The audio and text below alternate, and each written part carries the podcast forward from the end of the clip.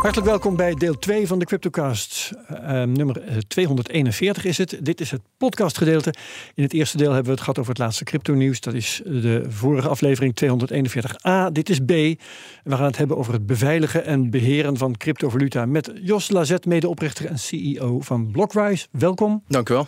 En mijn co-host is Bert Slachter, analist bij de digitale nieuwsbrief Bitcoin Alpha. Hoi. Hoi. Uh, voor we beginnen nog even dit. De Cryptocast wordt mede mogelijk gemaakt door BitTonic, het oudste bitcoinbedrijf van Nederland, dat dit jaar ook nog eens een keertje zijn tienjarig bestaan viert. BitTonic creëert stabiliteit en is een rustpunt in deze chaotische markt. Het stimuleren van lange termijn denken en educatie zit sinds de oprichting in het DNA. En dat zie je bijvoorbeeld terug in de Bitcoin spaardienst Bits en het educatieve platform bitcoin.nl. Kijk voor meer informatie op bitonic.nl. En namens de Crypto, uh, CryptoCast redactie het volgende. Als je graag naar ons luistert, vergeet dan niet je te abonneren. Dan ben je elke week direct op de hoogte van de nieuwste aflevering. Jos Lazet, wij stellen traditioneel uh, een eerste vraag. En die is, hoe ben je eigenlijk in aanraking gekomen met, met crypto, met bitcoin? Ja, dat gaat nu alweer een hele lange tijd terug. Dat is voor mij in 2013 geweest.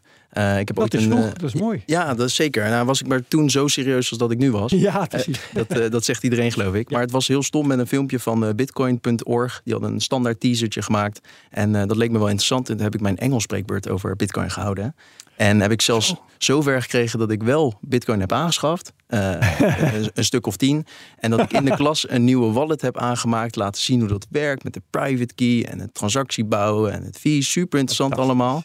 Um, ik ben alleen zo stom geweest om mijn, uh, mijn private key van de wallet in de klas niet op te slaan. Wel netjes 5 bitcoin uh, daarin gestuurd. Maar die staan dus helemaal bovenaan mijn ledger, staan die gewoon als verloren. Want ik heb die private key niet.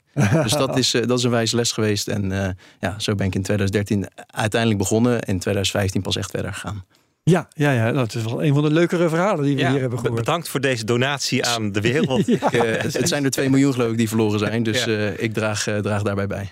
Ja, oké, okay, hartstikke mooi. Um, nu uh, je bedrijf, Blockwise. Um, waarom opgericht en wat doen jullie precies?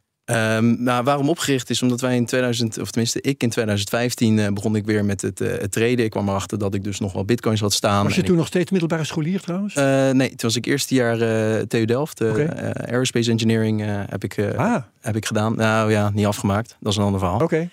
Um, wegens wegens de, de focus op blokreis dan wel. Um, maar in mijn collegezalen ben ik weer gaan traden. Ben ik gaan kijken, ja, hoe werkt dat nou? En dat was toen de Ethereum ICO natuurlijk. Dat vond ik allemaal super interessant. In de collegezaal zeg jij tijdens de colleges zat jij een beetje te Ja, met een laptopje ja, open okay. en een schermpje open en een notebookje ernaast met af en toe wat aantekeningen. Um, en ja, ik ging voor mezelf beheren. En toen kwam mijn moeder erbij, mijn broer kwam erbij. En ja, iedereen vond het wel interessant. Het was natuurlijk volatiel en het ging vooral omhoog. Zeker in die tijd, uh, 2015, 2016. Ja. Uh, toen 2017 ging het natuurlijk echt hard. Um, maar 2015, 2016, dat was ook bearmarkt. Hè? Ja, maar het was 200, 300 dollar een beetje. En uh, Ethereum, die gingen gewoon qua volatiliteit in ieder geval. Kon je echt gewoon door, ja, ik noem het altijd de, de golfjes rijden. Hè? Kon je gewoon super interessant inspelen op, de, op die markt. Uh, N-shares werd op een gegeven moment geïntroduceerd. Dat werd uh, NIO later natuurlijk. Nou, dat echt, dat, dat was zo bizar. Alleen ik, ik, ik, drukte alles ook uit uh, in, in, in, in bitcoin. Ik wilde alleen maar bitcoin waarde vermeerderen. En die eurowaarde, ja, dat was, dat was niet zo bijzonder toen. Dat is pas ja, in 2017 ja. is dat echt gaan, gaan aantrekken. Was je toen ook al, lek je mij wel iemand voor algoritmisch aan het handelen? Mm, nou, nog ineens. Want uh, ik, ik, probeerde juist een beetje om, dat, om, om die winsten te verzilveren. Ik zeg altijd, verlies kan je maken, winst kan je verzilveren. Um, dus met, met, met dat opzicht probeerde ik altijd gewoon een stapje meer, een stapje weer. En niet die, die, die pieken en die dalen, daar kopen en verkopen, dat is toch niet te doen. Dus, dus daar probeer ik dat, uh, dat te doen. Um, dus uh, Blockrise is uiteindelijk ontstaan doordat ik zocht naar gewoon een goed platform waar ik gewoon mijn veilige uh, opslag heb, waar ik, waar crypto op kan beheren, maar ook kan, kan. En die, die balans, die kon ik eigenlijk nooit vinden. Dus de, de strategieën invullen en zeg ik wil bijvoorbeeld 80% Bitcoin, 20% Ethereum en dat dat gewoon elke keer bijgewerkt wordt. Zo'n oplossing kon ik in 2017 niet vinden. En daar is uiteindelijk Blockrise uit ontstaan. Ja. Dus je bent eigenlijk begonnen omdat je iets zocht maar je dacht, het is er niet, dan ga ik het zelf maar maken. Ja, het was gewoon mijn eigen, mijn eigen probleem. En, en, en dat heb ik uh, vandaag de dag met Blockrise opgelost. Want je staan de beste producten. Nou ja, precies. Maar ik ben benieuwd, had je toen in het begin al het idee van... ehm, dit, gaat, eh, dit ga ik maken voor heel veel andere klanten? Of was het, eh, was het echt alleen om je eigen probleem op te lossen? Nou ja, in 2017 ben ik dus eh, nadat ik wat, wat echte friends en family ben, ben ik wat verder gaan kijken naar mensen die ook interesse daarin zouden willen hebben. En toen zei ik eigenlijk al van dag één, ja, maar ik, ik doe het nu voor u zo, want ik maak dan een, een, een Kraken of een Binance account aan. Maar binnenkort, in, in, in een aantal maanden, dan heb ik een platform en dan kan ik jullie allemaal tegelijk beheren. Nou, dat is iets wat langer geworden, omdat we gewoon, we wilden het echt goed doen. En ik, ik, ik wil dingen echt goed doen in dat opzicht. Uh, en natuurlijk de onzekerheid vanuit de DNB en eventueel de AFM. Dus dat soort partijen heeft ervoor gezorgd dat het allemaal iets langer heeft geduurd. Maar achteraf hebben we nu een waanzinnig platform neergezet. Waarin alles wat ik in 2017 zei, dat willen kunnen doen dat kunnen we nu doen. Oké. Dus, dus, dat ietsjes langer, dat is vijf jaar geworden. Ja, dat is iets, natuurlijk, en, en qua development, maar onze ja, is toch snel trouwens. Ja, ja, en eh, als ik kijk naar veel andere partijen, 2017, 2018 zijn uh, Nederlandse partijen natuurlijk uh, begonnen. Kijk naar Bitfavo, ik geloof 2018. en die zijn natuurlijk echt super hard gegaan. Wij hebben, wij hebben een andere aanpak gehad. We hebben echt twee jaar gespendeerd om gewoon goed te onderzoeken hoe gaan we nou zorgen dat we die, die sleutels van klanten veilig kunnen opslaan. Um, en, en hoe maken we die structuur nou zo uh, onafhankelijk mogelijk, maar toch weer afhankelijk mogelijk. Want, want wij willen wel dat Blokreis de garantie en de veiligheid kan bieden. En daar is uiteindelijk dit hele platform uit ontstaan. En zeker de afgelopen uh, twee jaar is er echt, echt heel veel, uh, heel veel gas gegeven. En de afgelopen twaalf maanden eigenlijk ja, zoiets. Um, is heel veel focus naar de DNB gegaan om te zorgen dat we daar oh ja. ook nog de, de registratie bij krijgen. Dus wil ik, ja, sorry. Ja, dus als ik het goed begrijp, wat je eigenlijk wil doen, is hetzelfde soort diensten bieden als, nou, je noemde net Bitfavo, maar zo'n zeg maar een, een, een, een de karakteristieke crypto broker, dus het bewaren en het handelen en compliant zijn met de Nederlandse bank, maar dan zonder dat jij de keys hebt. Exact. Dat is, dat is, dat echt is de missie. Dat is, de, dat, is, nou, dat is wat we nu bereikt dat hebben. is wat je bereikt. Nou, daar willen we straks wel van weten hoe het werkt. Nou, eh, precies. ik. Ja, nee, ik, nu eigenlijk al. Oh ja?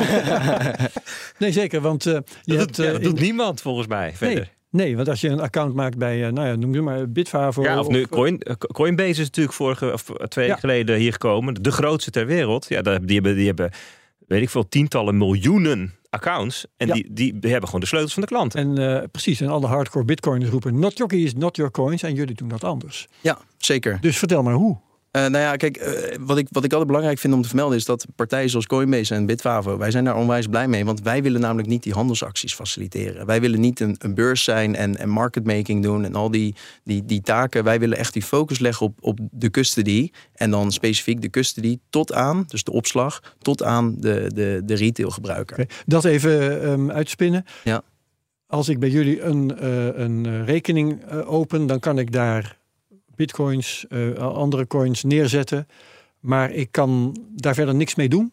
Jawel, we hebben heel simpel gezegd hebben wij onze services hebben opgedeeld in uh, twee onderdelen. De technologie, zoals wij het noemen, dat is onze Blockrise wallet. Dus dat is die individuele wallet, eigen sleutels naar de klant, et cetera, et cetera. En daar hebben we twee diensten opgebouwd. De ene dienst, dat, dat heet uh, Blockrise Brokerage. Dat is dus gewoon, ik heb 10 bitcoin op mijn Blockrise wallet staan. Die zijn van mij, de sleutels zijn van mij. Maar op een gegeven moment wil ik er twee verkopen, want hij staat bijvoorbeeld hoog. Nou, dan kan je de transactie naar ons aanmaken. Wij verkopen hem dan bij onze wisselpartijen. En wij zorgen dat het geld weer bij jou terechtkomt. Dat is de brokerage service. En de andere service is een uh, portfolio management service, ofwel vermogensbeheer. Waarbij wij nu een tweetal strategieën hebben. Die houden bepaalde verhoudingen aan tussen verschillende assets. We hebben allemaal documentatie en regels daarvoor gebouwd. Om te zorgen dat de klant altijd heel duidelijk weet: oké, dit ga ik doen of hier ga ik in, in meedingen.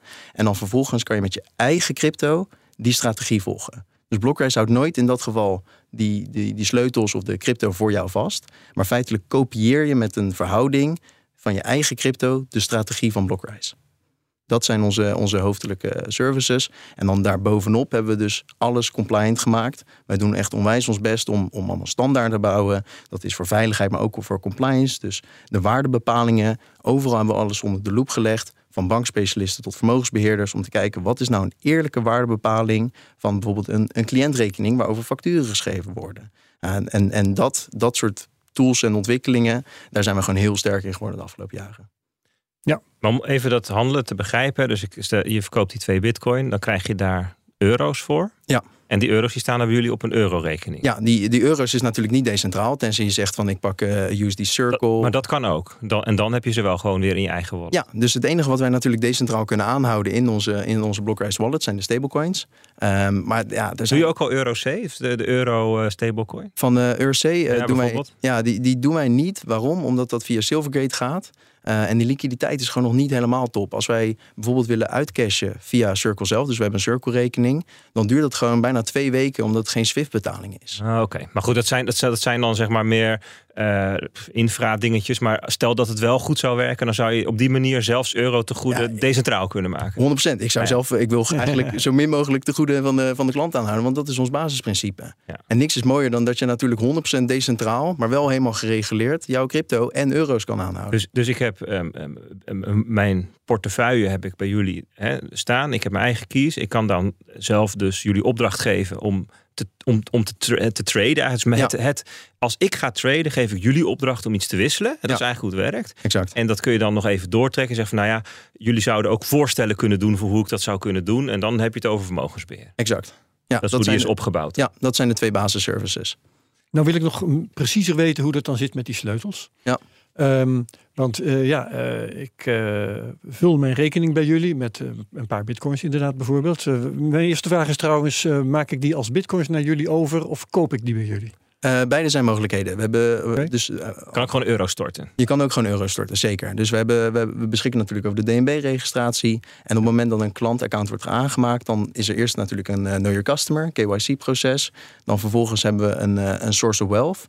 Eh, dus wij kijken, oké, eh, je wilt euro's of je wilt inderdaad crypto storten. Waar komt dat vandaan? Is dat onderbouwd? Ehm, eh, klopt het allemaal wel? Dat, dat is vanuit de DNB. Maar wij denken ook echt dat wij heel goed daarin zijn geworden om te kijken. Ik heb het in 2013 aangeschaft. Ehm, klopt dat wel? Zit je niet te sjoemelen met, met, met documenten en dergelijke? Dus daar laten we een hele analyse op los. Op het moment krijg je een, een vinkje, een goedkeuring dat, dat, dat jouw account aangemaakt kan worden. En dan krijgen we als allereerste de key ceremony. Oftewel de, het aanmaken van de sleutels van jouw Blockrise wallet. Dat eh, gebeurt in een browser. Daar zit Ja. een heel proces aan vast. Eh, en er wordt een twee-vaartoken bijvoorbeeld ingesteld. Nou, als dat allemaal voldaan is, dus je hebt je 24 woorden van Blockrise heb je opgeschreven, dubbel gekopieerd, weggelegd. Maar die gaan via de browser. Die gaan via de browser. Dus Ja, kan dat ik ook Dat vind ik, te dat denken. vind ik wel heel spannend. ja, nou ja, de- de browser kan heel goed lokaal een, eh, een 24 woorden doen. Kijk, die 24 woorden is, eh, is het zijn 2048 woorden. Maar ik zit meer met de, dat. Kijk, mijn browser, daar heb ik nog wel enig vertrouwen in. Maar de gemiddelde browser zit natuurlijk vol met allerlei smerige extensies. Die keyloggen en, en malware en weet ik wat allemaal. Tuurlijk. Nou, kijk, voor de, voor de gebruiksvriendelijke optie zeggen wij van we, je browser lokaal genereert een, eh, een 24 woorden per. Maar we hebben ook heel simpel een andere optie. Je levert je eigen 24 woorden aan.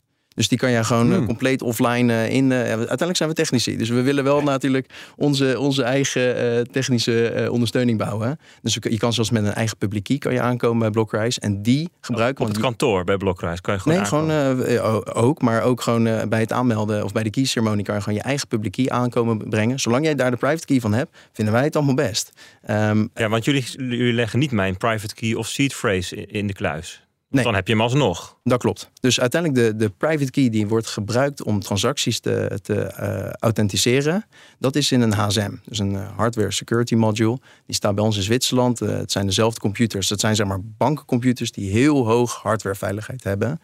De banken gebruiken dat voor bankgeheimen, maar ook om het valideren van je, van je pincode.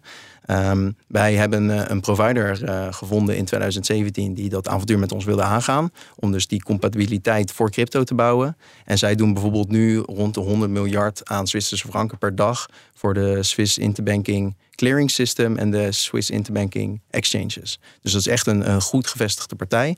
En daarop, op diezelfde computers, hebben wij onze crypto-ondersteuning gemaakt. En die, die computer die slaat intern, wat niet eruit kan, een private key op. En om die private key te kunnen eh, gebruiken, heb jij dus jouw private key nodig. En dat zijn of die Wauw. 24 woorden, of eh, je eigen private key die jij alleen de public key gebruikt, of je eigen 24 woorden. Maar dan moet het dus, hoe dan ook, elke keer dat je een transactie doet, moet die key toch weer heen en weer. Zeker. Dus, dus eh, mocht je Blockrise helemaal niet vertrouwen, even heel simpel gezegd, maar je wilt het wel bij ons stallen omdat je gereguleerd wilt zijn, dan kom je met je eigen private key aan. Je meldt, meldt de public key, meld je bij ons aan. En elke transactie moet je met je eigen private key ondersteunen. Het kan allemaal.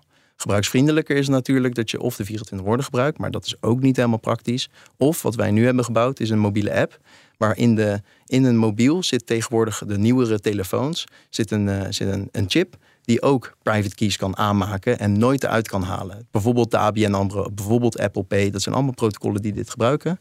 Datzelfde protocol gebruiken wij om onze transacties af te kunnen tekenen. Als een klant het wil, melden ze een telefoon aan. Dan zit er dus weer een key ceremonie voor de telefoon.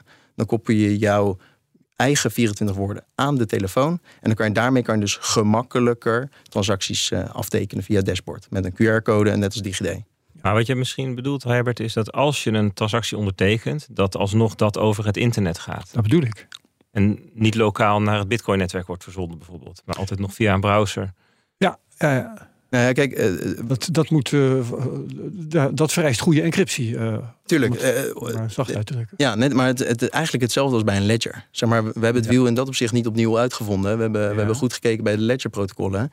Op het moment dat je op je telefoon de transactie ontvangt, dan decoden we dus de QR-code waarin dus de transactieinformatie staat. En op de telefoon, helemaal onafhankelijk, zie jij dus in principe al offline kan jij zien wat, is de transactie, wat zijn de transactiedetails. Waar komt het vandaan, waar gaat het heen, wat is de waarde, aantallen, fees, et cetera. Nou, uiteindelijk heb je wel natuurlijk een verbinding nodig om hem weer te versturen. Um, en dan hebben wij onze eigen blockchain nodes uh, draaien, Bitcoin node, et cetera, om dus die transacties zelf te publiceren. Kun je trouwens gewoon een ledger gebruiken? Uh, je zou de 24 woorden van een ledger zou je kunnen gebruiken. Maar het, het, het, het, onder, het, het, het, zeg maar het signen van de transactie kun je niet met je ledger doen. Uh, dan, zouden, dan zouden we ondersteuning moeten bouwen voor een, voor een ledger app. Ja, wellicht in de toekomst. Als je de 24 woorden van je ledger gebruikt, dan maak je in de praktijk dus een kopie van je ledger bij jullie. Ja. Ja, want het, het hele idee van zo'n ledger is dat die, zeg maar, je private key, de, je seed phrase, niet de ledger verlaat. En dat, ja. dat wat er dus naar je computer gaat, eigenlijk alleen maar de ongetekende transactie en daarna de getekende transactie is. En dat, bedoel, dat kun je natuurlijk nog een man in de middle attack doen, maar je kunt in ieder geval niet die private key ooit uh, jatten. En Ja. dat, dat, dat, dat is, dat is Hetzelfde ik wat we- principe wat wij eigenlijk hanteren in je telefoon. in je telefoon. Maar dat is eigenlijk pas de tweede optie. De eerste optie is dat je het op je laptop in je browser doet. Ja, omdat we, dat, dat hebben wij nodig om in ieder geval zeker te zijn dat wij niet die sleutel nodig hebben. Want dat willen we uiteindelijk voorkomen. Ehm, uiteindelijk zal dat wel meer gebruikt gaan worden. Maar in eerste instantie zeggen wij: de klant heeft zijn eigen sleutel nodig. En dat die klant er daarna voor kiest om Blockrise een, een tweede sleutel te geven, nou, dat is een optie van de klant. Je mikt hiermee op ehm, wel behoorlijk digitaal geletterde klanten, denk ik. Want eh, alleen zulke mensen zullen dit speciaal willen. Nou, ik denk als je uiteindelijk het, het dashboard zelf ziet en, en gebruikt, dat het vele malen eenvoudiger is dan, eh, dan hier beschreven eh, wordt. Omdat het is zo aanlokkelijk, en ik merk het elke keer, ook bij mijn gesprekken met de, de Nederlandse bank, om, om op die technische details in te duiken. Alleen in de praktijk, een klant heeft hier bijna niks van door. Eh, het, aan de andere kant zien ze juist wel dat alles op haar rekeningen staat. Eigen bitcoin-adressen gebruikt kunnen worden. Al gebruik jij, al kom je aan met euro's en stop je 100% in een bepaald portfolio. Ja, dat zijn allemaal acties waar je eigenlijk niks van door hebt. Als je gewoon DigiD gewend bent of je identifier van de, van de bank. Het zijn allemaal dezelfde processen eigenlijk die worden ingesteld. Alleen ja, met dan wel een jaaroverzicht en, en eigen rekening en inzichten. Dus uiteindelijk, ja, het, het klinkt allemaal heel erg spannend. Qua gebruiksgemak heb je er niks van door. Ehm, wat voor verdienmodel knopen jullie daaraan vast? Wij hebben eh, een, eh, een verdienmodel bedacht. ehm, waar wij ten eerste eh, rekening brengen voor de, voor de custody. Dus de, de, de opslagkosten worden, worden berekend. Ehm, en dan Een daarna. percentage per jaar of zo? Ja, dat is, eh, dat is nu 1% voor, eh, voor de, zeg maar, de starters. En op, op basis van groter vermogen eh, wordt dat lager. En dan alle services daarna, dus bijvoorbeeld de brokerage services, de aankoop of verkoop van crypto, of bijvoorbeeld vermogensbeheer, daar zitten weer andere. transactie of iets dergelijks.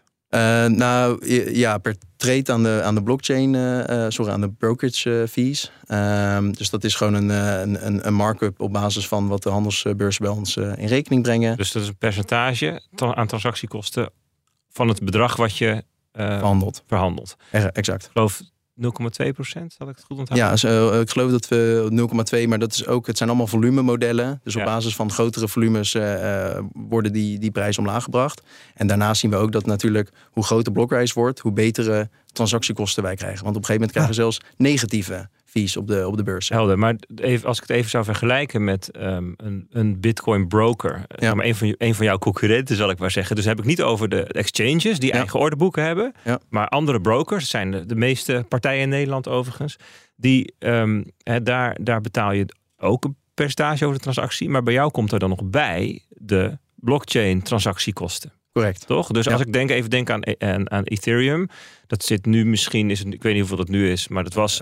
Een paar, eh, 30 cent, 40 cent. Ja, maar het is de hele tijd in 2021 is het eh, boven de eh, 5 euro geweest. Exact. Fees. Het- Ja, ja, dus, ja, dus als ik de dan blockchain fees. Ja. de blockchain fees, dus als ik dan 100 euro eh, zou ehm, aan, Bitcoin, aan Ethereum zou kopen. Stel dat ik een, een dollar cost averaging ben en ik wil elke week 100 euro aan Ether kopen.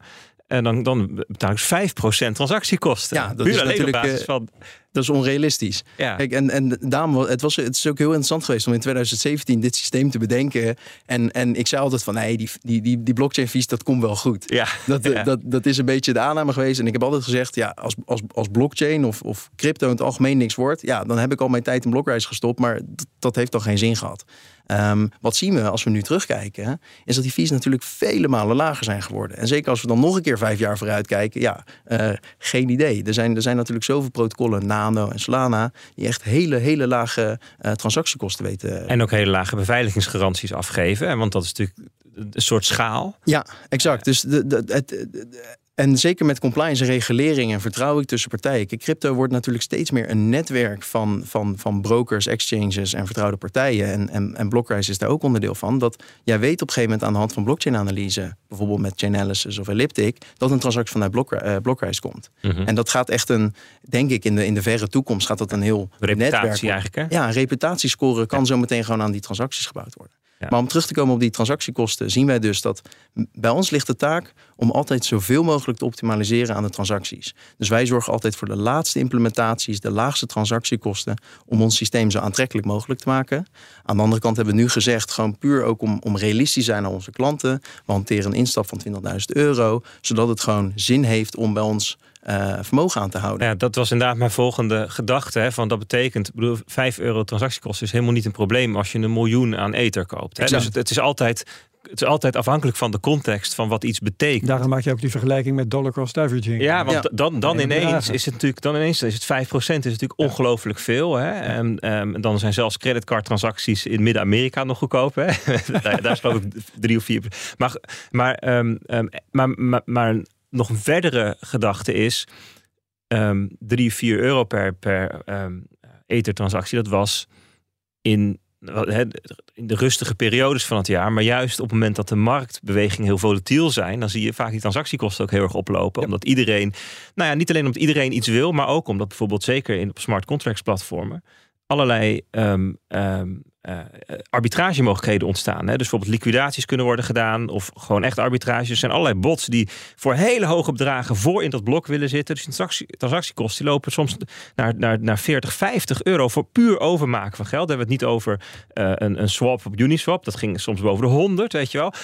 Bedoel, dat Maar dat zijn soms wel de momenten dat je iets wil. Ik wil het nu, want ik heb, weet je, er is nu iets aan de hand. En dan zit je daar wel mee in je maag. Ja, natuurlijk. Nou ja, kijk, het, het verschil is hier altijd is dat als je het vergelijkt met de situatie zoals jij het op je ledger had staan, heb je exact hetzelfde probleem. Zeker. Dus, dus dat is 100%. iets wat, eh, wat heel interessant is. Ehm, eh, ook iets wat goed is om te vermelden is dat wij gebruiken bij Blockrise nooit smart contracts. Dus alle transacties die afgetekend worden, dat zijn echte blockchain. Dus bijvoorbeeld Ethereum transacties en dergelijke. ERC20 is dan een, een, een soort van halve uitzondering, omdat het een, een, een, een groot geaudit contract is. Maar zeker die DeFi contracten, eh, zeker onder toezicht of, of eh, eh, noem dat, overheidspartijen wil je dat niet. Ehm DeFi super tof, maar qua regula- regulering is het een, een, een nachtmerrie vooralsnog. Ehm, dus onze transacties worden nu bijvoorbeeld bij Ethereum worden altijd onder de, onder de native transactions gegooid. En hebben dus de lage transactiekosten in plaats van de smart contracts. Ik, ik vind het wel terecht dat je het overigens goed hè, dat je dat, eh dat heb, je, heb je toch die, die mediatraining al gewer- gewerkt hè? Ja, maar dat je, dat, dat je zegt van ik herframe het naar je moet het vergelijken met wat je hebt op je, op je ledger en je moet het Ja. eigenlijk niet vergelijken met ehm, eh, wat je hebt bij een, bij een nou ja we noemden net Coinbase maar zo'n soort Ja, wisseldienst. Exact. Ja, dus, dus, dus je bent ook eigenlijk eerder een concurrent van de mensen die thuis ledgers hebben liggen. exact. Het, het is de hele mix bij elkaar, denk ik. En eh, daarom zeg ik ook, die wisselpartijen zijn voor ons super belangrijk. Want zonder wisselpartijen kunnen wij geen, geen wisseldiensten uitvoeren. Ehm, en, en inderdaad, zo'n een, een ledger is gewoon niet technisch, tenminste als je niet goed technisch onderbouwd bent. Zoals bij mij is het laatste een paar maanden terug in zijn ledger gewoon in, in een update is de bootloader gecrashed. Ja, dat kan. Ja, ja. Ja, en dat, dat zijn verhalen die je toch regelmatig Dus je moet een backup van je seat hebben ergens. Exact. Maar hoe ga je dat dan doen? Waar Ja. schrijf je dat op? Dat kan, moet, moet niet kunnen verbranden als je huis in de fik Ja, vliegt. dus hebben van die mooie stalen plaatjes Ja, en ja, zo ja, waar je ja. het allemaal in kan stoppen. Echt Ja, of, super of tof allemaal. ringetjes die je op het dik draait. Ja, Dat- maar ja. voor adoptie is het, is het Ja. natuurlijk verre van ideaal. Ja. En, en het ding is dat mensen hebben eigenlijk niet meer door tegenwoordig hoeveel private keys ze eigenlijk al in beheer hebben. Mhm. Maar dat het gewoon door het gemak van de telefoon zoveel eenvoudiger is gemaakt. Meer hoeft, hoeft, eh, Ja, dus het- Over na bij, te denken. bij ons is het vervolgens de uitdaging om te zorgen dat het gewoon een, een heel soepel werkend systeem is. En dat ook het maken van backups, zoals wij dat willen en zoals wij dat zien, dat het door eigenlijk iedereen heel makkelijk gefaciliteerd kan worden. Z- Zou je dan jezelf eerder vergelijken met Casa bijvoorbeeld? Hè? Dat is ook zo'n partij die eh, heel sophisticated thuis zelfbeheer ehm, of zelfbewaaroplossingen maakt. Hè? Met, met ehm, eh, drie uit vijf. eh, Ja, Casa is echt een, eh, echt een mooi systeem. is geloof ik Bitcoin only. Eh zij dat werken met. eh, ja, dus ik geloof uh, hun slogan is iets van the safest way to store your Bitcoin eh, uit mijn hoofd. Ehm, zij, zij doen inderdaad met Ledger en Trezor doen zij een 3 uit 5 uh, veiligheid. Ehm, echt uh, ook een super tof systeem. Alleen wat je bij ons natuurlijk ziet is het stukje regulering wat dan echt heel erg belangrijk wordt. Um, vergelijk het dan met een casa. Dus stel, ik laat, uh, ik laat een hele hoop bitcoins laat ik na aan mijn, uh, mijn familie. Die, die kunnen daar dan bij aan de hand van het protocol van casa. Um, en dan? Zeg maar, dan gaat de bank vragen stellen op het moment dat jij dat gaat, uh, gaat verkopen en uit gaat ja. keren naar je rekening. Ja. En dat, zijn, dat is juist dat belang van Blockrise. Dat wij hebben dat hele dossier opgebouwd voor jou. Van oké, okay, dit is de herkomst geweest. Ondertussen is het uh, dit meer waard geworden. Uh, en dat is het vandaag de dag waard. We hebben een hele erfenisprocedure bedacht. Van oké, okay, de klant geeft eerst aan. Wat, wat als er iets met mij gebeurt, dan moet het hierheen, daarheen. Of ik wil dat het weggegeven wordt. Dat zijn allemaal mogelijkheden. Nou, daar horen dan wat extra sleutels bij die gegenereerd worden. En dan, dan zorgen wij, wij, wij ontzorgen de klanten dat dat hele proces in werking wordt gesteld. Onder onze veiligheidsnormen, maar wel met de preferenties van de klant. We hadden het over fees en dergelijke. Toen zat ik te denken, hebben jullie ook al Lightning-integratie? Wij hebben geen Lightning-integratie. En uh, wellicht dat dat nog komt. Het, het, er is altijd een discussie over. Is het nog kinderschoenen? Er zijn steeds ja. meer grote beurzen die het ondersteunen. Uh, bijvoorbeeld, uh, mijn mening dan, meer persoonlijk vanuit Lightning... is dat zodra A en B, dus een transactie tussen A en B... als dat vertrouwd is, is Lightning een heel mooi protocol. Je opent de channel en dan kan je daar vrij goedkoop en snel transacties tussen doen. Um, dus in dat opzicht zou het interne Blockrise systeem zou dat super interessant zijn. Aan de andere kant zijn wij wel um, ja, uh, een soort van bitcoin maximalisten en, en, en kijken wij juist van uh, let op, ik wil wel gewoon altijd een transactie op een full node publiceren. Al onze transacties zijn native. Al onze transacties worden gewoon ondertekend. En Lightning ja, is een ja. afgeleide daarvan. En je zou, zoals jij ook um, uh, voor de klant crypto assets naar een broker stuurt, ja. zou je ook voor een klant wat van zijn assets naar zijn Lightning Wallet kunnen sturen. Dat, je, dat eigenlijk een manier is, zegt van nou, ik faciliteer jou om je Lightning Wallet bij te vullen. Eigenlijk is het, het vullen van je Lightning Wallet is eigenlijk het pinnen van contant geld. Zo zou je het kunnen zien. Contant geld is super handig op de markt. Ja, ik wil ja, vis ja, kopen. Toonbankbetalingen, hè? noemen we dat dan. De, de, betaalvereniging houdt het bij. In Nederland is nog maar 20% van de toonbankbetalingen met contant geld. Vroeger was dat was in 2010 was het nog, nog twee derde. Zo, wow. lang, zo kort is dat geleden eigenlijk. Maar je zou Lightning eigenlijk kunnen zien als de toonbankbetalingen uh, manier van Bitcoin. Je kan natuurlijk bijna gratis, binnen een seconde kun je gewoon betalen. En, en, en dat, dat werkt dan niet. Hè? Dus dan zou je kunnen zeggen van nou ja, je kunt bij ons pinnen, oftewel je Lightning Wallet vullen en dat gaan we voor je regelen. Dat zou wel een leuke dienst zijn. Ja, dat zou, dat zou, dat zou zeker een leuke dienst zijn. Ik denk wel dat het, omdat het nog, omdat het nog zo in, in ontwikkeling is en, en er zijn, wat ik zei, exchanges die het ondersteunen. Kijk, wij kijken het af en wij willen altijd met zekerheid onze diensten aanbieden. Uh, dat, dat zie je in, in heel Blockrise. Alles wat staat, dat staat echt als een, als een gebouw. En, en niet minder dan dat. Ja. Um, even over de, de tijd waarin je dit nu doet. Jullie beginnen een bedrijf in uh, 2022. Nou, het bedrijf bestaat al wel wat langer, hè, maar de dienstverlening die begint ongeveer nu. Ja. Um, het is bear market. Uh, er is weinig publiciteit in de mainstream pers over Bitcoin. Het FD schreef een tijdje geleden zelfs uh, nog... Uh, zou het nu echt afgelopen zijn met die cryptorage? Alweer. Ja, precies. Dat bleek eens vier jaar geleden inderdaad ook geschreven te hebben. Dat heb ik meteen gecheckt. Maar um, het is natuurlijk niet zo'n gunstige tijd. Of is het misschien juist wel een gunstige tijd? Hoe denk jij daarover? Nou ja, ehm, in, onze, in ons opzicht zeggen we altijd van op het moment dat, uh, dat er een boom market is, dus kijk naar bijvoorbeeld afgelopen jaar, dan is er een enorme instroom van euro te goede. Iedereen wil meedoen. Ja, en van in, klanten? Ja, van klanten, van financiële instellingen natuurlijk. We hebben MicroStrategy meegemaakt. We hebben uh, Elon Musk met, uh, met Tesla meegemaakt. Hm. Um, dus dat zijn, dat zijn enorme instromen. En dat is super positief voor de handelsvolumes, et cetera.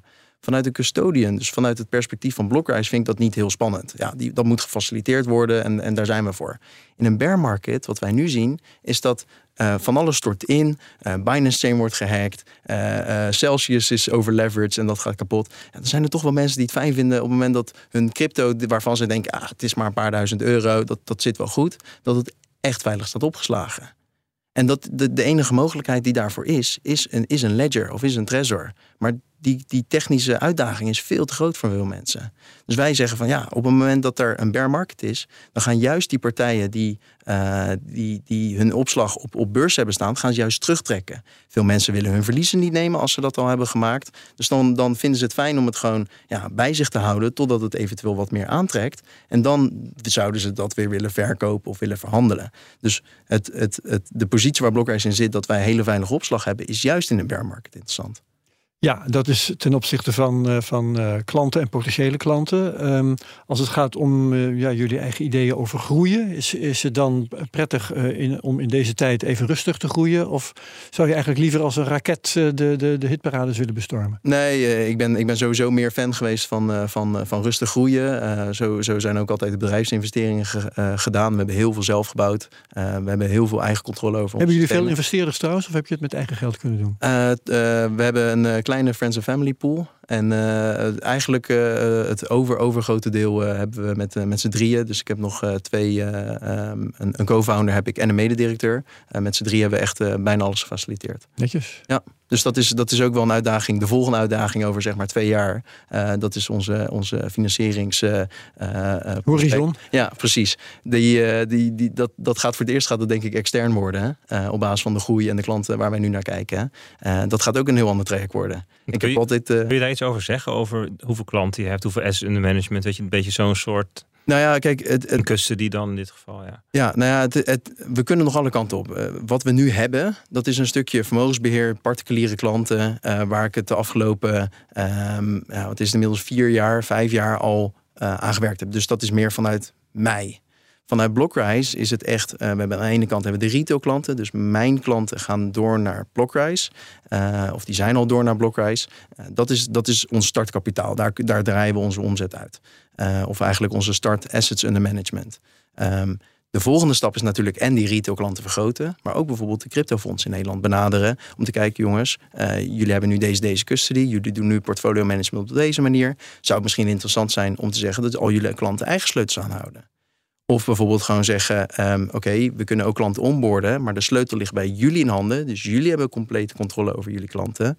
En, en de subklanten hebben wel eigen rekening, maar niet de sleutels. Nou, dat zijn allemaal mogelijkheden die wij, die wij hebben gebouwd en die wij verder ontwikkelen. Um, dus op basis daarvan is ons, ons asset management. Um, het dat, dat, gaat, dat verwacht ik in ieder geval dat het zo meteen echt heel hard gaat. Ongeacht dat het een, een bear market is. Nou, dat vroeg eigenlijk naar bedragen. Ja, maar dat is nu dus eigenlijk zeg je, dat is nu nog zo klein dat het niet zoveel zin heeft om daar iets aan te hangen. Maar dat moet heel groot worden. Nou ja, ja zeg maar uh, heel klein, heel klein. Uh, zeg maar in een, in een, in een bear market denk ik dat we echt wel een, een, een prima assets in de management hebben. Um, dat, dat is meer geweest. Uh, dat is dat geldt voor denk ik iedereen in ja, deze. Ja, en dat is ook een, ook een deel geweest. Ja. Ik ben zeg maar voor mijn klanten op moment dat Bitcoin boven de 50.000 stond, en dat is dus absoluut niet de top geweest. Maar toen nee. heb ik wel, zeg maar, ben ik mijn klant gaan afrijden en echt gaan zeggen: jongens, let op. Afrijden? Hè. Je ging persoonlijk langs? Ja, het is, het is nog gewoon uh, een grotendeels persoonlijk. Het, zijn maar, het, maar, het aantal klanten zijn nu uh, 13, 13 klanten. Uh, dus zeg maar externe klanten, laat ik het even zo zeggen. Ja, um, ja die, die moet ik nog afrijden. Um, om, om dus echt dat, dat stukje ja, persoonlijk vermogensbeheer te doen. En, en iedereen is in 2017 en sommigen nog in 2018 ingestapt. Ja, kijk wat de markt heeft gedaan. Maar ook ondertussen hebben we heel veel winst gewoon kunnen verzilveren. Dus wat, dat potje wat nog overblijft, dat heeft een hele grote europositie bijvoorbeeld. Of een USDC-positie. Wat bijvoorbeeld heel leuk is geweest afgelopen jaar. Uh, met de, uh, met de dollar-euro uh, ontwikkelingen. Hmm. Um, maar dat is het start. En op basis van dat, dat startvermogen aan assets under management... kunnen we zo goed als break-even draaien. Nogmaals, geen, geen leningen, geen externe investeerders. Ja, ja, Uh, sinds kort een heel mooi nieuw kantoor in Rotterdam. Uh, dus dat zijn allemaal dingen die we daarvan uh, hebben kunnen bekostigen. En nu is alleen maar, uh, zoals ik zeg, the only way is up. En nu moeten we vooruitkijken. Waar gaan we heen? En, en welke markt gaan we definiëren? Maar ben je uh, van plan dat te blijven doen? Je klanten zo persoonlijk benaderen dat je echt uh, zelf bij zo lang... Desnoods met een team natuurlijk, dat begrijp ik wel als je opschaalt. Maar ja, een mix. Kijk, Denk je dat vol te houden? Ja, nou, klant, klantenservice vind ik, vind ik heel belangrijk. Aan de andere kant is het bij ons ook de uitdaging... om, om processen zo, zo duidelijk en geautomatiseerd mogelijk te hebben. Dat op het moment dat jij een, een jaarrekening wil uitdraaien... dat je gewoon heel simpel inlogt en via je profiel even de jaaroverzicht uh, uitdraait. wij, wij, wij kijken natuurlijk heel veel bij, bij de grootbanken in Nederland. Wat voor platformen, wat voor, een, wat voor dashboards hebben zij gebouwd? Hoe werkt hun functionaliteit? En ja, ik wil niet zeggen dat we dat klakkeloos kopiëren, maar we leren er in ieder geval heel veel van. Want als men daarmee kan omgaan en een, een transactie kan aftekenen op hun telefoon, ja, dan kunnen ze dat ook bij ons. Ja. Dus, dus, dus klantenservice staat zeker hoog in het vaandel. Zeker bij wat, wat de, de, de hoog uh, vermogende klanten die we, die we hebben. Daar is het natuurlijk nog groter van belang om ze echt helemaal te ontzorgen. Uh, en dan, dan is het ook eerder van Blokreis houdt de sleutels voor ze vast. Blokreis uh, maakt de rapporten op. En ja, dat is een afweging die we maken met, met onze, onze support en, ehm, en, en tijd, simpelweg. Ja. Um mensen die gebruik maken van jullie uh, vermogensbeheer, die kunnen kiezen voor actief management. Dan krijg je herbalanceringsvoorstellen. Ja. Uh, hoe hoe, hoe werkt, werkt dat precies? Nou, we, het, het, ligt er een beetje aan per, uh, per portfolio-strategie. Um, maar, en dan het ligt eraan wat het interval is. We, we zijn in principe begonnen met maandelijkse herbalanceren. Dus dat betekent dat op het moment dat de klant instapt, en dat kan met euro's of bijvoorbeeld met bitcoin zijn, dan veranderen we die structuur of we doen een voorstel om de structuur van die euro's een bepaalde strategie aan te laten passen. Um, bijvoorbeeld, ik zeg maar wat, 80% Bitcoin, 20% Ethereum. Ja. Um, dan, dan voeren wij die trades uit en dan staat er dus op de klantse rekening onder 80% Bitcoin, ja. 20% Ethereum. En even voor de goede orde, rekening betekent in dit geval dat je ze gewoon zelf in je wallet hebt. Hè? Ja. Want dus het, is- woord rekening, dat klinkt ook een beetje als wat Ja. je dus bij een gewone broker hebt. Maar Ja. het, het staat dus in je eigen wallet. Heb je die, die fysieke, keiharde, betonnen bitcoins heb je daar. Exact. ethers. Ja, ja, en, en, en, en eh, als, je, als je er zo toch over begint, we hebben het zelfs nog een stap verder getrokken.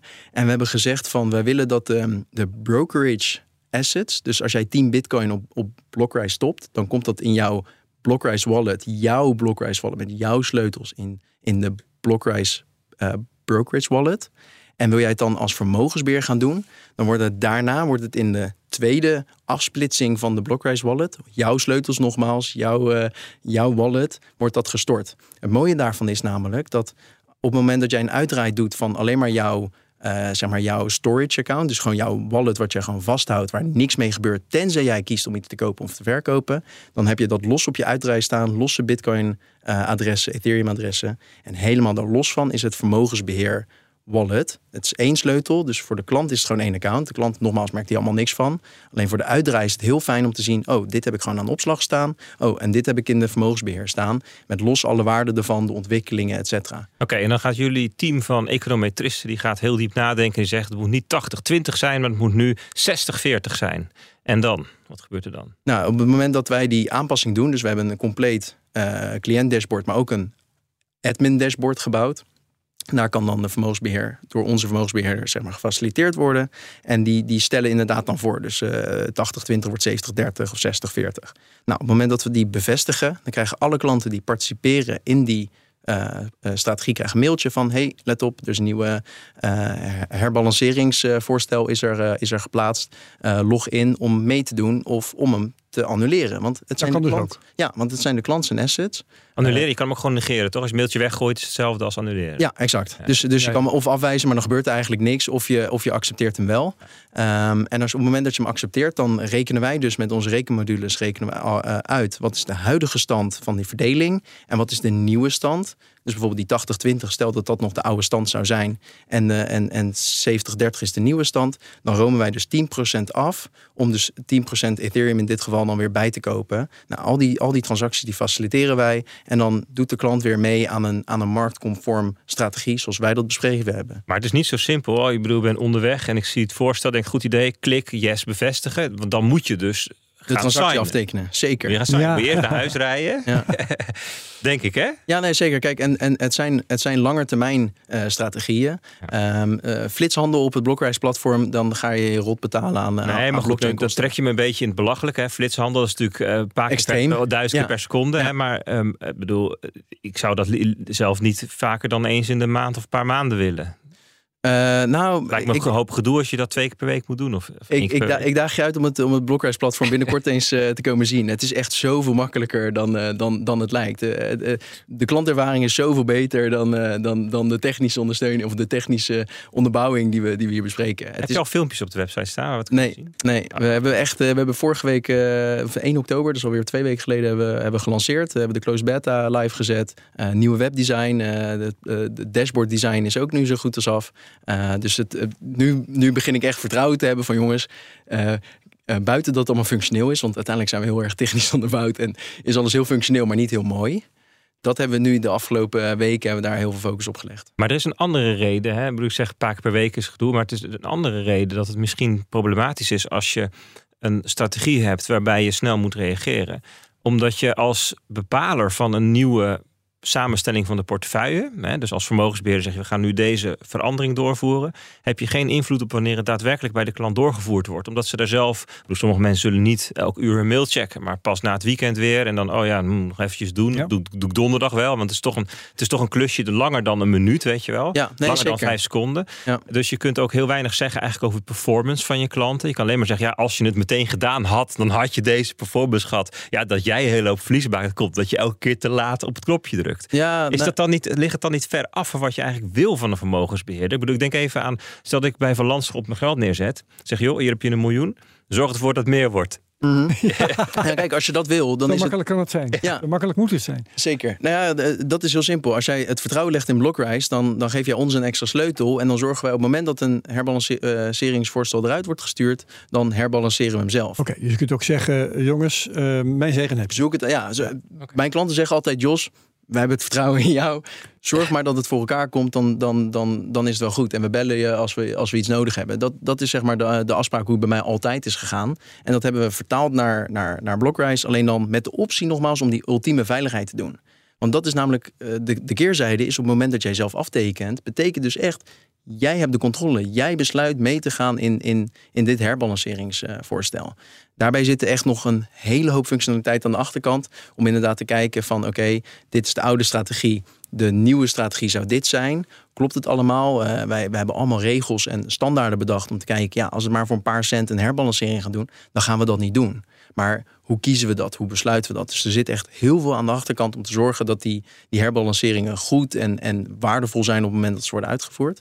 Ehm, aan de andere kant, een, een, de vermogensbeheerder bij ons, die kan altijd zeggen van ja, ik, ik, ik doe hem weer updaten en ik doe hem weer updaten. De klant herbalanceert altijd naar het laatste voorstel. Dus dat voorstel waar naar ze toe herbalanceren is altijd de situatie van de markt op dat moment. Waar ik nog wel benieuwd naar ben, hè? je hebt het over vermogensbeheer en over verschillende munten. Je zijn niet bitcoin only, toch? Nee, zeker niet. Ether hadden we het over. Ja, we hebben, we hebben Bitcoin met alle forks. Want wij moeten natuurlijk op onze computers moeten we hardware ondersteuning bouwen. Dus Bitcoin met alle forks. Dus ook I- BSV en... eh, Het is- ex- eh, exact. Ja, kijk, Ja. Ik hoop het niet, maar het kan Nee, wel. Ja. Exact. Ja, Nou ja, ja, de, de ondersteuning is er technisch. En dat, daar hadden we het ook eerder over met Binance Coin. Binance is natuurlijk een, een, eh, een soort van fork van Ether geweest. Ethereum-netwerk. Ehm, dus de technische ondersteuning hebben we. Maar hij zit niet in onze, onze ondersteuningsportfolio's, zeg maar. Omdat, ja, eh, dat is eh, de visie van Blockrise en hoe wij kijken naar Dus jullie zijn Ja. heel se- selectief in wa- wat je... heel selectief. Maar Wij- wel Ether. wel Ether, Maar zeker. ik kan me zo voorstellen, als jij Ether hebt en je hebt, ik heb bij jullie een hele hoop Ether in de kluis gelegd. Dus van nou ja, ik wil wel steken. Want bedoel, die 5% per jaar, straks misschien nog meer, dat ga ik niet laten liggen. Dat zijn, eh, zeg maar, eh, staking is iets waar we, waar we nu de laatste stappen in zetten om dat, eh, om dat functioneel te maken. Het, het ding is natuurlijk wel bij ons, en dat ligt er heel erg aan per protocol. of, jij met, of jij zelf heel veel ethers moet hebben om te kunnen steken, of dat je in een poeltje wilt gaan steken. Mm. Nou ja, poelen wordt dan weer lastig, omdat alles individueel is opgeslagen. Dus dat zijn allemaal dingen en er zijn dan ook weer andere oplossingen bij met DeFi en dergelijke. Alleen wij kijken altijd vanuit een heel zekerheids perspectief. En je zei al, je interacteert in principe niet met smart contracts. Exact. Dus, dus pooled staking is iets wat wij, wat wij niet willen. Uh, tenzij het uh, op een, een of andere manier binnen onze, onze risk appetite valt. Dat we zeggen, oké, ja, dit is zo goed en dit is zo onderbouwd en het heeft alle security audits en dergelijke. Dan zouden we het kunnen overwegen. Als we dat dan al doen, dan zal de cliënt er zeg maar, los voor moeten aftekenen. Ik, ik hoorde pas dat Fireblocks bijvoorbeeld, hè, hele grote partijen die infrastructuur maakt, die dan weer door brokers wordt gebruikt, um, dat die een soort van private um, ETH staking pool omgeving heeft, waar alleen maar uh, gereguleerde partijen aan mogen deelnemen. Oh, hè, om ook een stuk van het risico af te dekken wat je hebt in de, in de, in de zeg maar, de, de hoe heet die andere staking. Uh, uh, naam even, even kwijt, maar goed. Uh, Solana of uh, Tezos of... Nee, ik bedoel die andere staking pools op, van, van Ethereum. Je hebt natuurlijk zo'n hele ah, grote... Mem, nee, niet mempool. ja, ik weet het nee, Even met de handen in het haar. Ja. De, de, luisteraar die weet het misschien wel. Ja. Maar, maar, maakt niet uit. Hè, maar, dus om, om dat te doen, en, en zat ik te denken van ja, jullie gaan wel voor, hè, op allerlei gebieden het zelf moeten doen. Ja. Um, ja, en dan las ik pas weer dat Fireblocks heeft dan een paar honderd miljoen of zo opgehaald, denk ik. Of, of in ieder geval tegen meer. Dus de teller staat op 1,1 miljard. Uh, het is echt... Ik denk van ja, kun je daar als bedoel, ik geloof meteen dat er uit van de TU Delft hele slimme mensen komen. maar kun je daar uiteindelijk tegen op of blijf, blijf je, ben je dan straks eigenlijk op al die um, zeg maar uh, specifieke onderdelen moet je het afleggen tegen een specialist. Die natuurlijk door de brokers gewoon geïntegreerd worden. Zeggen, oh, doet Fireblocks, doe dat en dat en alles bij elkaar. En dat, dat bied ik als één pakket naar de klant aan. Ja, nee, natuurlijk. Kijk, uh, twee dingen. Eén, ons team. En twee is inderdaad, hoe bouwen wij? Elke functie, elke feature die wij bouwen, overwegen wij: oké, kunnen we dit misschien beter uitbesteden? Bijvoorbeeld uh, inderdaad staking services. Er zijn externe partijen die nodes draaien, maar dan met onze private keys dus weer. Nou, dat zijn allemaal oplossingen um, waar wij inderdaad gewoon veel gesprekken mee voeren. Zelfs met Fireblocks uh, uh, hebben wij gesprekken om bijvoorbeeld transactiesnelheden misschien te kunnen verhogen voor, de, voor interne trades en dergelijke de basis bij ons is echt die individuele opslag met daarboven compliant tools. Dat is uiteindelijk wat Blockrise is.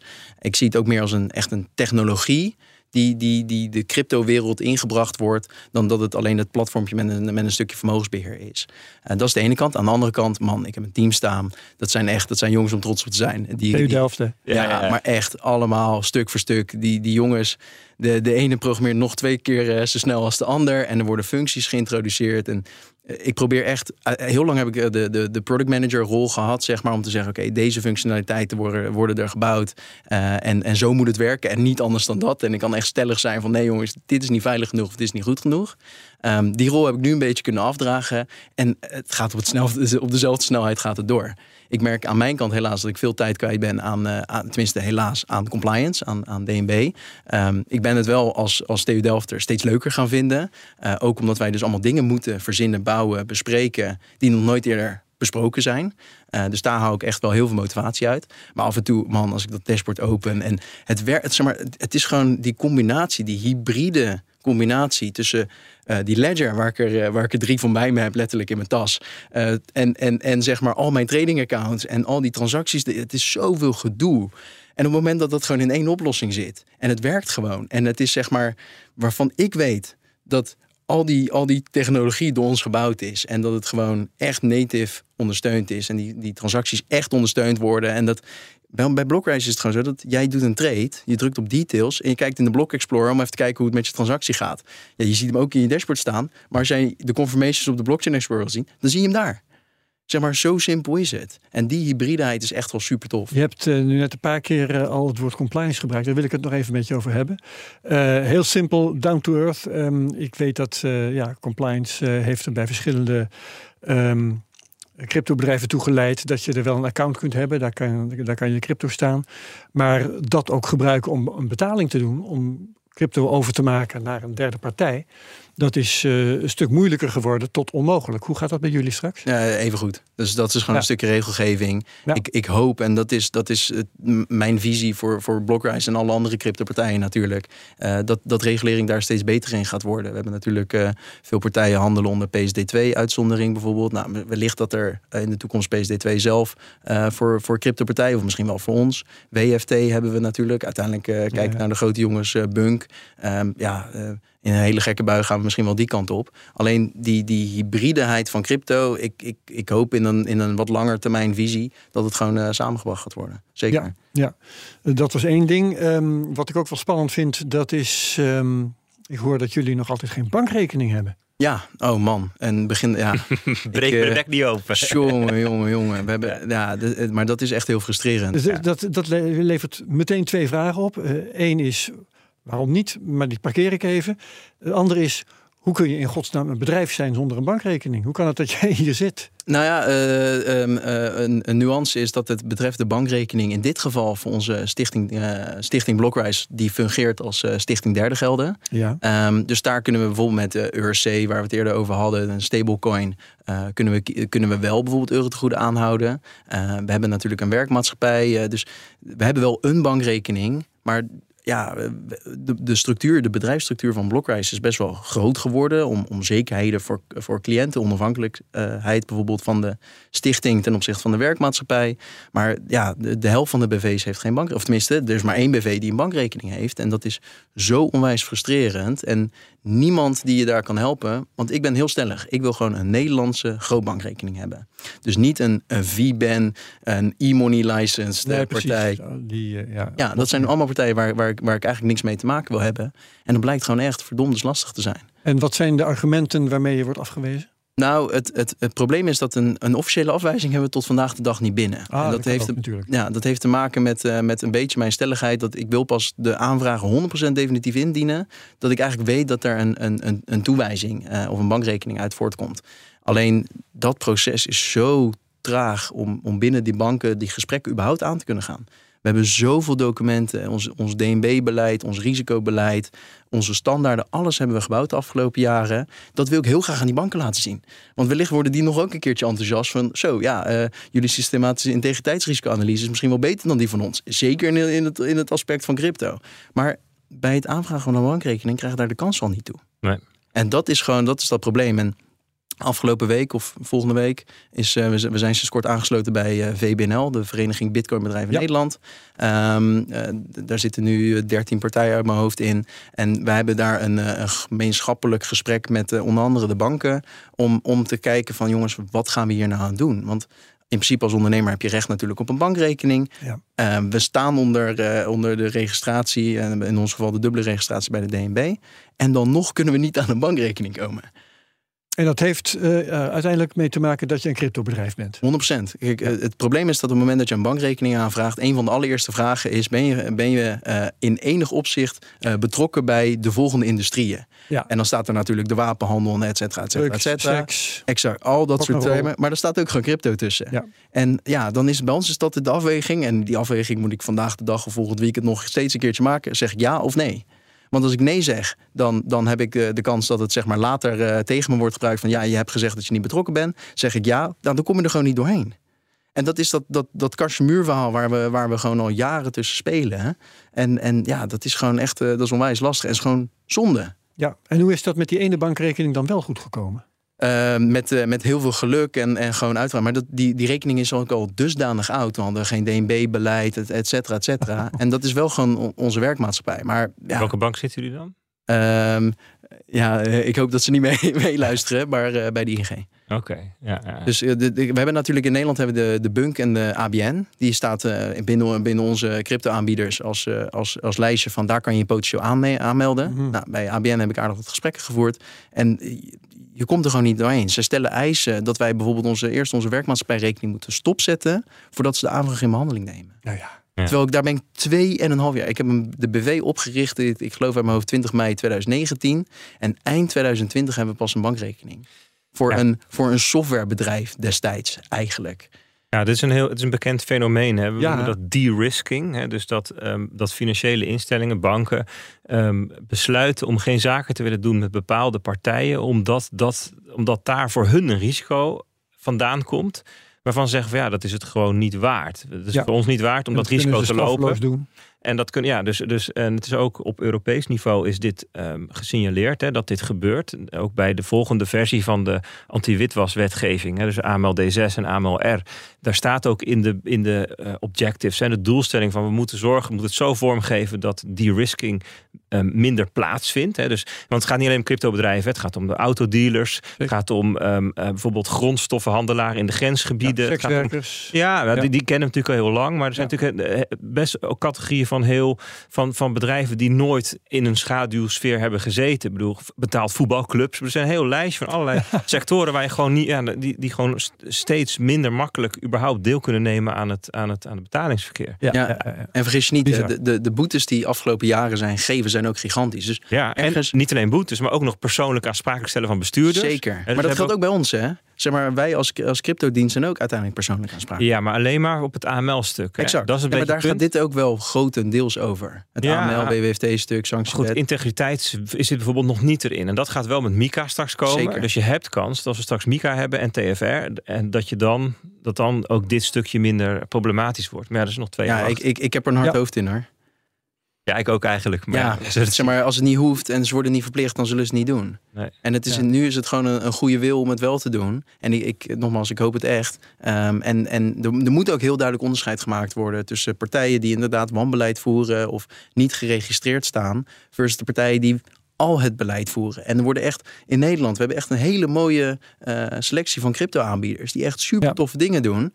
Jongens, slaat in handen en ga ermee aan de slag. Elke keer als hierop gereflecteerd wordt, is de conclusie: de Nederlandse cryptobedrijven doen het hartstikke goed. Ja. Van de week weer een artikel, um, een interview met Renier Bredenoord van het OM in, in het, Financiële Dagblad. Ja.